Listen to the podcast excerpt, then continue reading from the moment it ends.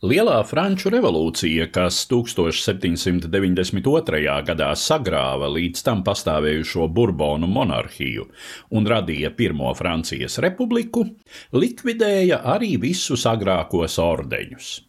Kādu laiku apbalvojumi jaunajā republikā nepastāvēja vispār, tad 1799. gadā par izcilu militāro dienestu sāka piešķirt apbalvojuma ieročus, visbiežāk zobenus. Tā paša gada novembrī pēc valsts apvērsuma ģenerālis Napoleons Bonaparts kļuva par Francijas diktatoru ar pirmā konsula titulu. Tobrīd vadīdams Franciju pretī ar vien jaunām uzvarām Eiropas kaujas laukos un īstenojot valstī iekšējus pārkārtojumus, Napoleons ieguva arvien lielāku varas autoritāti līdz 1804. gadā kronējās par Francijas imperatoru. Visai loģiska šai procesā bija arī jauna impērijas ordeņa izveidošana, un 1802. gada 19. maijā ar pirmā konsula pavēli tika nodibināts Francijas goda leģiona ordenis. Līdz revolūcijai Francijā, kā visās tā laika monarhijās, pastāvēja bruņniecības ordeņi. Būtībā bruņinieku brālības, par kuru locekļiem varēja kļūt lielākoties tikai aristokrāti. Militāros apbalvojumus saņēma virsnieki, kuri arī lielākoties bija aristokrātiskas izcelsmes. Goda leģiona ordenis šai ziņā neatzina nekādas kārtu atšķirības. To varēja piešķirt tik vienam, kam bija nopelni valsts labā. Agrāko ordeņu nosaukumi un simbolika bieži saistījās ar kristietības tradīciju. Piemēram, Burbonu dinastijas laikā pastāvēja Svētā Lācara, Svētā Miķeļa, Svētā Gāra ordeņi. Goda leģionu, kā jau liecina nosaukums, Napoleons asociēja ar antīko Romas impēriju. Zemākās pakāpes apbalvotie sākotnēji saņēma leģionāra titulu, nākamās pakāpes virsnieka, komandiera un lielvirsnieka virsnieka pakāpi.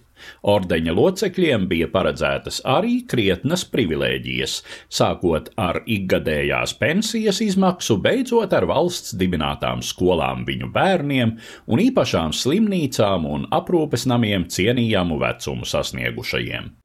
Kad 1815.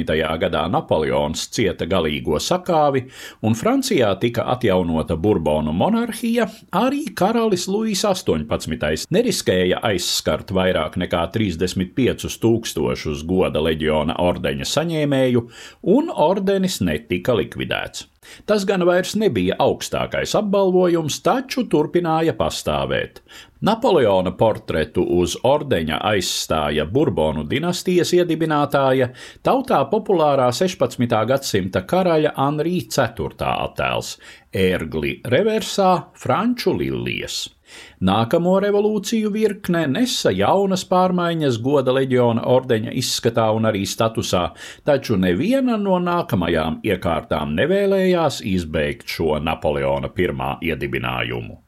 Ordeņa dizaina maiņas gan atspoguļoja attiecīgi pēc 1830. gada revolūcijas nodibināto tā saukto jūlija monarhiju, tad 1848. gadā tapušo Otro republiku, tad ordeņa dibinātāja brāļa dēla Luija Napoleona jeb Napoleona III impēriju, kas pastāvēja līdz 1870. gadam, un tad Trešo republiku Tagad ordeņa zvaigznes centrā ir Francijas republikas simbols Marianna, savukārt reversā sakrustoti republikas karogi.